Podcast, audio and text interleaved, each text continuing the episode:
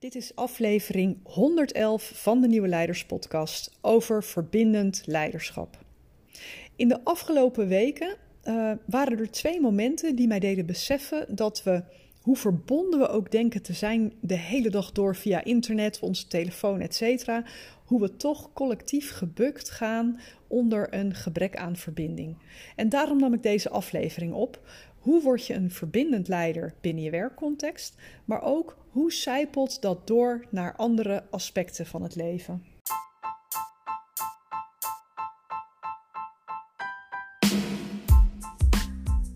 Nieuwe tijden vragen om nieuw leiderschap. Mijn naam is Petra Kuipers en vanaf deze plek neem ik je mee op onderzoek naar hoe we nieuwe vormen van leiderschap kunnen ontwikkelen in organisaties, in teams en niet in de laatste plaats bij onszelf. Samen herschrijven we de definitie van leiderschap. De Nieuwe Leiders Podcast is een podcast vol inspiratie en informatie voor formele en informele leiders. Let's go! Misschien herken je dat wel, dat als je wisselt van omgeving, dat je anders gaat kijken. Als je een tijd doorbrengt in een andere stad, een ander land, uh, je zit een tijdje in het huis van iemand anders, je doet iets anders dan je elke dag doet, dan gebeurt er iets met je. En het is op zich ook wel logisch, want als we elke dag in dezelfde omgeving zijn, dan ontwikkelen we een soort van blindheid voor onze eigen patronen. Het is ons normaal, het is de, de, de baseline. We zijn als de goudvis waar je aan vraagt van, joh, hoe is het water vandaag? Dat weet je niet, het water is. Nou, de afgelopen zes weken werkte ik vanuit Thailand. En daar heb je natuurlijk een fors andere cultuur, hele andere gebruiken, andere eetgewoontes niet verkeerd, andere machtsstructuren. En dat bracht een hele hoop vragen en verwonderpunten bij me naar boven. En als je me volgt op Instagram, implementatiedokter, dan heb je waarschijnlijk al het nodige langs zien komen. Maar twee dingen in het bijzonder vielen me op. En eigenlijk spiegelde die iets wat er ook bij ons speelt, in onze cultuur. Alleen in zo'n radicaal andere omgeving zie je het opeens heel duidelijk, want dan lijkt het uitvergroot. En misschien was het dat ook wel. Nou, geen zorgen. Ik ga je niet uh, vermoeien met al mijn, uh, mijn reisverhalen. Het viel op zich ook wel mee, want ik was daar gewoon aan het werk. Maar het gaf me wel inzicht over het thema waar ik het vandaag met je over wil hebben. En dat is verbindend leiderschap. Het eerste was. Uh, ze rijden daar, uh, ze rijden, fietsen, lopen aan de andere kant van de weg dan wij hier in deze hoek van de wereld gewend zijn. En dat betekent alleen al dat je, zeker in het begin, continu bijna tegen mensen aanloopt en moet opletten waar je loopt, omdat je continu in de weg lijkt te lopen. Hoe sta je op een roltrap? Hoe beweeg je over de straat? Etcetera. Nou, nu zijn het in Thailand natuurlijk gelukkig heel tolerante mensen en die zijn ook best wel wat gewend als het gaat om onhandige westerlingen. Dus het was op zich geen punt. Maar ook toen het bij mij een tweede natuur was geworden om links te lopen en links te rijden, was ik toch continu bezig met mensen ontwijken. En dat lag dit keer niet aan mijn klunzigheid, maar vooral omdat iedereen de ogen onafgebroken op de telefoon hield. En ook in buurten, ik ben, ik ben 10, 15 jaar geleden ook in Thailand geweest. En als ik daar toen liep, uh, waren mensen continu als je langs liep om het hardst, je, om je aandacht aan het roepen. Om je een massage te verkopen of de winkel in te krijgen of wat dan ook. Maar nu blijft het stil. Mensen zijn veel te druk op hun telefoon om je op te merken. En dat had iets heel vervreemdends. Ze zagen je niet eens lopen. Ze probeerden je niet eens in hun winkel te krijgen. Het was alsof het ze niks interesseerde. Nou, het tweede wat mij opviel was um, toen ik een paar dagen vrij had en uh, verder naar het noorden reisde, richting de uh, Burmeese grens. Lag behoorlijk afgelegen. Het was echt een jungle dorp. En toch bleek dat dorp waar ik aanbelandde een bolwerk, bolwerk van uh, bewuste zoekende westerlingen. En dat was een hele, ja, ook vervreemdende gewaarwording. Want de lokale bevolking deel, ja, die, die leefde deels nog in hele primitieve omstandigheden. Hè? Uh, met uh, gewoon een soort, soort hele kleine huisjes met golfplaten. Moesten heel duidelijk hard werken, hadden een hard bestaan om hun kostje bij elkaar te verdienen. Tegelijkertijd was daar dus een horde Europeanen in dezelfde omgeving heel druk met alleen maar zelfontwikkeling. Ayahuasca, yoga, ijsbaden, prana healing, uh, uh, clean eating, noem het allemaal maar op. En waarschijnlijk is het mijn invulling of mijn interpretatie, maar je zag de locals af en toe hun wenkbrauwen optrekken en zich afvragen waar deze poppenkast allemaal voor was. Het contrast was echt enorm. Maar wat nog opvallender was, de dolende westerlingen, noem ik het maar even, leken ongelukkig. Uh, eenzaam, zoekend. Eigenlijk zag je nergens echt lachen of humor of spelen, wat je gewend bent als mensen op vakantie zijn, bij wijze van. Dit was duidelijk geen vakantie, het was een project om iets aan zichzelf te, te, te sleutelen, te ontdekken, te verbeteren. Het was allemaal dodelijk serieus. Waarom vertel ik dit? Nou, het, ja, het, hield me even bezig wat ik daar nu precies zag. Wat, hoe zit deze wereld nu in elkaar? Wat gebeurt hier nu en wat vertelt me dat over uh, hoe ik in de, wet, uh, de wedstrijd zit, hoe ik in de race zit en hoe wij in onze eigen omgeving met dit soort dingen omgaan? En wat me duidelijk werd in deze situaties, is dat we behoorlijk gedisconnect zijn in lelijk Nederlands, maar ook dat we daar meer last van hebben dan we misschien zelf denken. Want hoe goed we ook verbonden denken te zijn via het internet, via onze telefoons, in feite zijn we gewoon gevangen in dat apparaatje, hè, waardoor het menselijk contact veel minder is geworden. Uh, oogcontact, aanraking, glimlach, interactie, het is er gewoon veel minder en dat merkt je. Terwijl wij mensen zijn van oorsprong sociale dieren. Onze fysieke en fysiologische oerbehoeften zijn niet veranderd. En ik weet niet of je die ontzettend treurige uh, ja, dat experiment kent met die babyaapjes die uh, uh, door een soort ja, nepmoeder, een kunstmoeder worden opgevangen, waarbij de ene moeder eten heeft, maar van ja, een soort betonijzer is en de andere moeder is zacht. Daar zit een vacht omheen. En hoe hongerig het babyaapje ook is, het kruipt aan tegen die kunstmoeder met die zachte vacht. We hebben het nodig om ehm, in elkaars buurt, in elkaars warmte en in, in contact te zijn met anderen. En die oerbehoeften die zijn niet veranderd. Alleen wordt er veel minder in tegemoet gekomen. En het is dus ook helemaal niet zo verwonderlijk dat er nog nooit zoveel mensen geworsteld hebben met mentale klachten, met eenzaamheid, met depressie. Alleen zoeken we de oplossing daarvoor op hele verkeerde plekken. Die Westerlingen, die en naar dat kleine dorp gingen bij de Burmeese grens om daar iets te vinden. En ik was er ook, hè, dus begrijp me niet verkeerd, hier zit geen enkel oordeel. Um, uh, het, het, was gewoon een opvallend iets uh, waar, ik in participeerde. Maar die mensen zijn niet heel anders dan mensen die uh, het zoeken in eindeloos nieuwe dingen kopen. In degene die Netflix bingen, die uh, bovenmatig eten of elke avond meer dan een fles wijn achterover slaan. Het zijn allemaal manieren om een bepaalde leegte gevuld te krijgen. En daar zit eigenlijk niet echt een rangorde in. Ja, het een is misschien nog wat ongezonder dan het ander, maar allemaal zijn het minder ja, handige manieren, of ja, minder effectieve manieren, want handig, dat, dat is niet aan mij om dat te oordelen.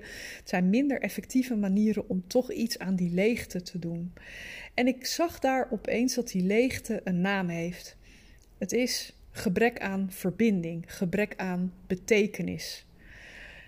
We leven in een tijdperk met ongelooflijk veel heftige prikkels. Hè? Het nieuws, social media, films, series. Continu krijgen we met al die heftigheidstootjes adrenaline en dopamine toegediend. Hè. De likes geven je die dopamine rush van, van een stukje erkenning even. Hè. Dus als jij iets post en iemand reageert daarop, dan heb je even dat kleine dopamine stootje. Daarom brengen we zo ontzettend veel tijd op social media door. Maar die adrenaline, dat is door de heftigheid, de spanning in films, in series, maar ook het slechte nieuws wat je ziet op het journaal, uh, in actualiteitenprogramma's of uh, uh, op social media. Dat is verslavend.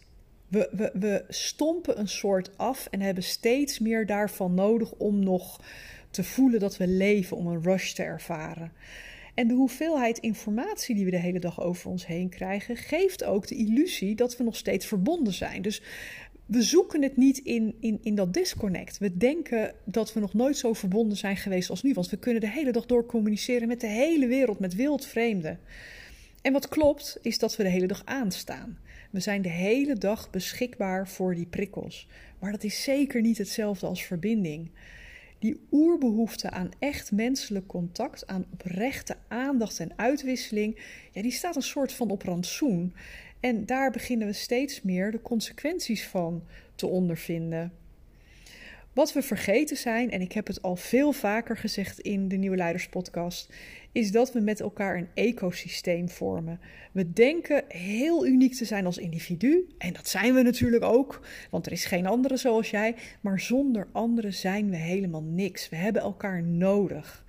Je zou ieder van ons kunnen zien als een cel. Hè? Als wij allemaal een cel zijn van, een, van, van moeder aarde, of, of hoe je het dan ook wil zien, um, met elkaar vormen die uh, cellen een levend organisme. En daarvoor heb je elkaar nodig. Punt. En ik denk dat bij dat besef leiderschap een belangrijke rol kan vervullen. Dat het een soort vehikel kan zijn. En nogmaals, ik heb het hier ook al vaker gezegd, maar ik wil even heel duidelijk maken: voor mij is leider niet synoniem voor baas.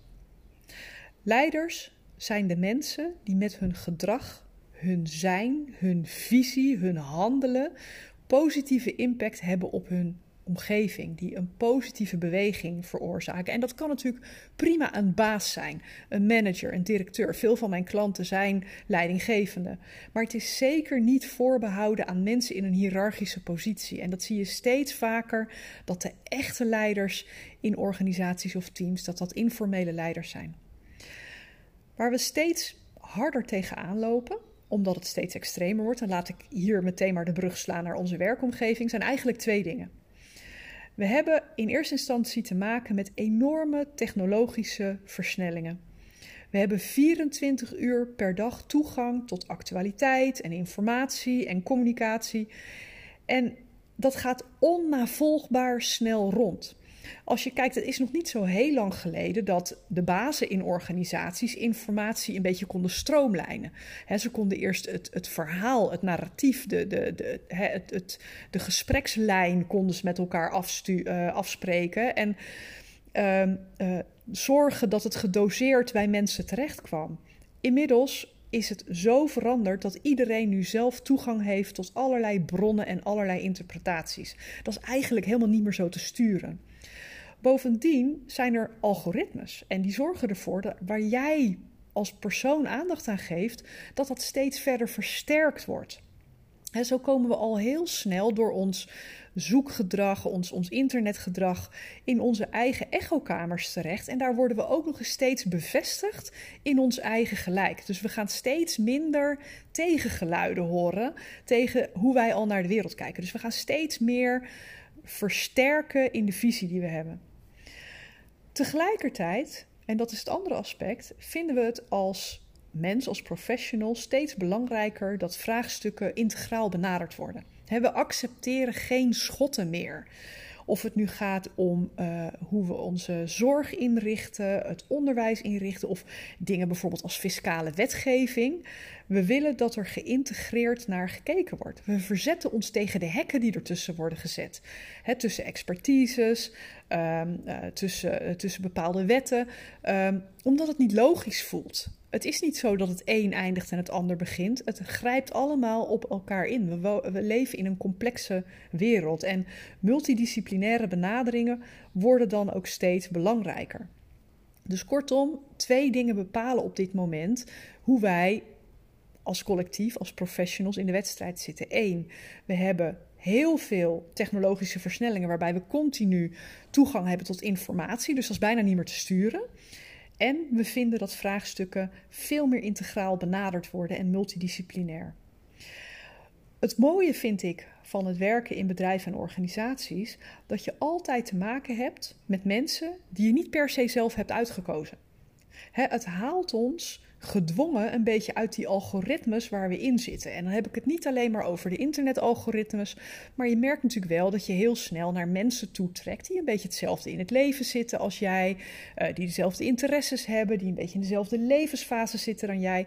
Dus daar gebeurt van alles, waardoor je continu peers opzoekt die een beetje op jou lijken, waardoor je maar heel weinig wordt blootgesteld aan andere dingen. En in je werk haalt het je daaruit Ehm, het haalt je uit de kanalen die je vrijwillig volgt. Het haalt je uit de groep met peers die je zelf opzoekt. En het zet ons aan tot samenwerken met en ons verhouden tot mensen van buiten onze privé persoonlijke belevingswereld. En wat dan op ons werk nog veel meer in your face is dan op andere levensterreinen, is dat we ons samen in een netwerk bevinden waarbij we ook elkaar nodig hebben, afhankelijk zijn van elkaar. We hebben elkaar nodig om iets te bereiken. En in zo'n omgeving en met die kenmerken van uh, integraliteit en, en technologische versnelling, merk je al dat een top-down aansturing niet de meest effectieve manier meer is. Want alle perspectieven, alle kennis en alle invalshoeken zijn inmiddels nodig om tot de juiste lijn en de juiste beslissingen en de juiste richting te komen. Heb je het over teams of bedrijven, dan zijn dat altijd uitsneden van een groter ecosysteem. En een groter ecosysteem, dan bedoel ik samenleving, uh, economieën, politieke systemen. Maar omdat bedrijven of teams zo'n behapbare, omkaderde omgeving zijn met heel veel verschillende persoonlijkheden en een gezamenlijke opgave, is het een soort geschikte biotoop om te kijken hoe je echte verbinding terug kunt brengen. Je hebt met elkaar iets voor elkaar te krijgen. En je hebt te maken met mensen die heel anders zijn dan jij en waar je uh, niet helemaal vrijwillig voor gekozen maar waar je het wel mee te doen hebt. En als je daarmee gaat oefenen, dan zijpelt dat altijd door naar de buitenwereld. Via de mensen die daarmee in aanraking komen. En die dat meenemen naar hun gezinnen, naar hun verenigingsleven, naar hun families. En zo kan dat dus een enorme rimpeling op gang brengen. En dat klinkt natuurlijk prachtig en ik hoor je bijna denken, ja, maar hoe dan? en net als in de grote buitenwereld hebben we ook binnen ons werk natuurlijk allemaal een heel eigen beeld van de werkelijkheid. Kijk ik even naar een team waar ik pas uh, iets in betekend heb. Daar zaten een paar creatievelingen in, er zaten een paar technici in en er zaten een paar strategen in. Nou, je kan je al voorstellen dat die op drie, hè, dat zijn even drie smaakjes, zeg ik even heel gemakkelijk, maar dat die op drie hele verschillende manieren naar de wereld kijken. Wat je ook ziet, en misschien herken je dat wel bij jezelf, dat je vaak vastzit in de waan van de dag. Dus je gaat een beetje mee met hoe de agenda je dicteert. En ook in je standaard werkpatroon. Je denkt niet de hele dag na over de dingen die, die je ook anders zou kunnen zien. En daardoor vraag je je helemaal niet zo vaak af: wat is er nog meer mogelijk? Of hoe kan ik hier heel anders naar kijken? En daar komt, wat mij betreft, verbindend leiderschap om de hoek kijken. Dat gaat namelijk over elkaar echt ontmoeten. Over aandacht, oprecht willen leren kennen van de belevingswereld van anderen, zodat je met elkaar in gesprek veel meer informatie beschikbaar krijgt. En als je meer informatie hebt, dan heb je ook een wijder perspectief waarmee je tot betere acties en besluiten komt. grijp ik even terug op de creatievelingen, de techneuten en de strategen, dan kan je je voorstellen dat als die allemaal hun perspectieven delen met elkaar, dat je veel meer tot je beschikking hebt op basis waarvan je je kan baseren. Bij verbindend leiderschap realiseer je dat iedereen ertoe doet. En in het team waar ik mee te maken had, zag ik nog heel vaak dat de strategen het voor het zeggen hadden en daarbij helemaal over het hoofd zagen uh, bepaalde technische belemmeringen daarbij of hoe het creatieve proces van de creatievelingen werkt. En dat is zonde. Op het moment dat je verbindend leiderschap uh, introduceert, neem je iedere bijdrage serieus. Dus je zorgt er ook voor dat ook de belangen, de perspectieven, de behoeftes van alle betrokkenen op tafel komen, zonder dat je daar een weging aan geeft. Ze zijn allemaal even belangrijk. En je voegt daar natuurlijk ook je eigen belangen, behoeftes en perspectieven aan toe. Van daaruit kijk je naar wat er boven komt. Hè? En dan creëer je met elkaar meerwaarde, waarbij je ieders inbreng ja, mee afweegt, zeg maar. En dat geeft dus uitkomsten die je in je eentje op voorhand niet had kunnen bedenken. Al is het maar simpelweg omdat je gewoon niet weet wat je nog niet weet. Wat bijvoorbeeld de techneut of de creatieveling jou als stratege had kunnen vertellen. En nee, dat is zeker niet hetzelfde als polderen of een compromis uitonderhandelen. Het betekent dat je als het ware de vijver aan perspectieven en belangen en behoeften helemaal vult met alles wat er is in het team. En dat je al die informatie een rol laat spelen in je gezamenlijke afweging. Iedereen is nodig, iedereen wordt serieus genomen, iedereen wordt gezien, gehoord en levert ook echt een bijdrage aan de uitkomst. En wat dat betekent als leider is dat je een steeds betere kwaliteit van uitwisseling nastreeft. En een belangrijke voorwaarde is dat je er echt een soort van hygiëne in hebt hoe jij zelf in de wedstrijd zit. In eerste instantie wil je zorgen dat er een, een context ontstaat, een ruimte, een sfeer waarin het mogelijk is om al die perspectieven te delen. En dat vraagt van jou een soort ja, zeg maar emotionele fitheid. Ben je in staat om het op tijd te herkennen als jij je eigen projecties, je angst of je oordeel de boventoon laat voeren? Kun je dat stopzetten? Want op het moment dat jij merkt dat jij niet meer aan het verbinden bent, maar een discussie probeert te winnen of jouw perspectief probeert door te duwen, dan is dat dus niet de context die gaat helpen bij verbindend leiderschap. Nou, ik wil je een paar vragen geven die je vanuit verbindend leiderschap, nou ja, misschien wel regelmatig zult gebruiken om de kwaliteit van die uitwisseling steeds verder te verhogen. Een, een, vraag die je kan stellen is: welke verschillende belangen en behoeften hebben wij allemaal zoals we hier aan tafel zitten? En daarin mag je best heel kwetsbaar zijn. Waar ben je bang voor? Welke behoefte heb jij bijvoorbeeld aan, aan veiligheid of om jouw positie veilig te houden? Ook dat mag je daar delen. Um, als iedereen dat maar in gelijke mate kan delen. En ook mensen die misschien niet zo makkelijk praten, worden uitgenodigd om toch hun verhaal uh, te geven. Uh, hebben we alle perspectieven te pakken? Of is er misschien nog een heel ander perspectief wat we nog niet besproken hebben? Dus nodig actief dat tegengeluid uit. Die eigenwijze dwarsdenker, laat die alsjeblieft ook zijn inbreng geven een opmerking die je kan maken als iemand een radicaal andere werk, denkwijze heeft als jij. Dus wat ontzettend interessant dat jij zo anders kijkt. Kan je me daar meer over vertellen? Dus blijf nieuwsgierig. Nieuwsgierigheid is echt de superpower voor de komende tien jaar. Dat, dat kan ik je op een briefje geven. Als wij nieuwsgierig blijven en minder snel in oordelen en in discussie zakken, dan komen we tot veel mooiere resultaten. Een vraag die ook wel interessant kan zijn is: herkennen we uh, een samenhang binnen al deze verschillen? Zien we hier ergens een rode draad in? Want dat is iets waar je mee kan werken. En een vraag die je kan stellen is: welke vragen kunnen we hier nog meer over stellen? Dus het zijn allemaal vragen die helpen dat die vijver aan informatie, perspectieven, behoeften, etc., dat die steeds beter gevuld wordt. Nou, probeer ik hiermee nu te zeggen dat je met verbindend leiderschap die, die collectieve leegte invult die we uh, misschien allemaal ervaren. Nou, dat is wel heel groots gesteld.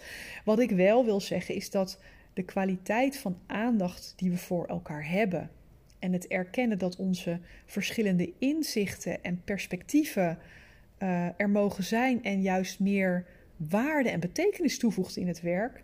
En dat dat een sneeuwbaleffect heeft naar andere aspecten van ons leven, dat probeer ik hier duidelijk te maken het is een andere manier van denken. Het is inclusiever. Het is het vieren van de verschillen. We onderschatten wel eens, denk ik, hoe stressvol het voor heel veel mensen is geweest in de afgelopen jaren om te denken dat je elkaar ziek kunt maken als je dicht bij elkaar komt. Het de periodes van thuiswerken, voor degenen die dat hebben gedaan, voor veel meer digitaal werken dan live bij elkaar, dat heeft iets met ons gedaan. En zeker ook het afstand houden, uh, elkaar geen hand meer schudden, dat soort dingen.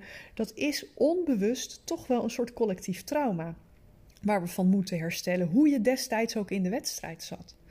En los daarvan. Ehm, Ehm, we, we, vinden nu het is over, we gaan weer terug naar normaal, et cetera, et cetera.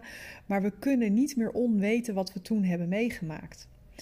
En um, daar hebben we tijd voor nodig. En we moeten weer opnieuw gaan vinden hoe we die menselijkheid weer terugbrengen, die toen in een heel rap tempo um, verdwenen is. Ook verhalen als uh, hashtag MeToo, de misverstanden bij de voice die maken dat heel veel mensen heel voorzichtig en gereserveerd zijn geworden om maar geen verkeerde indruk te wekken. We zijn een beetje bang geworden voor elkaar. En dat kunnen we alleen maar oplossen als we een flinke scheut menselijkheid weer gaan toevoegen aan onze ontmoetingen. En dat kunnen we op het werk doen, omdat dat een hele mooie omgeving is waarin je ook echt uitgenodigd wordt om met onze verschillen om te gaan. Maar het kan natuurlijk ook nooit kwaad om buiten je werk vaker de telefoon thuis te laten elkaar te groeten, ook al ken je elkaar niet. Te glimlachen in het voorbijgaan. Even een schouderklopje te geven. Te informeren hoe het echt met iemand gaat. En op allerlei manieren de verbinding weer echt op te zoeken. Als we iets kunnen doen als verbindend leider, is het goed kijken naar hoe zorgen we dat we de menselijkheid en de verbinding weer zoveel mogelijk terugbrengen in alle aspecten van ons leven. En dat was het inzicht wat ik deze week met je wilde delen. Dankjewel voor het luisteren naar de Nieuwe Leiders Podcast. Was deze aflevering waardevol voor je? Door hem te delen of een recensie achter te laten, help je nog veel meer mensen om de Nieuwe Leiders Podcast te vinden. En vergeet niet de podcast te volgen zodat je niets meer mist. Ik tref je graag bij de volgende aflevering.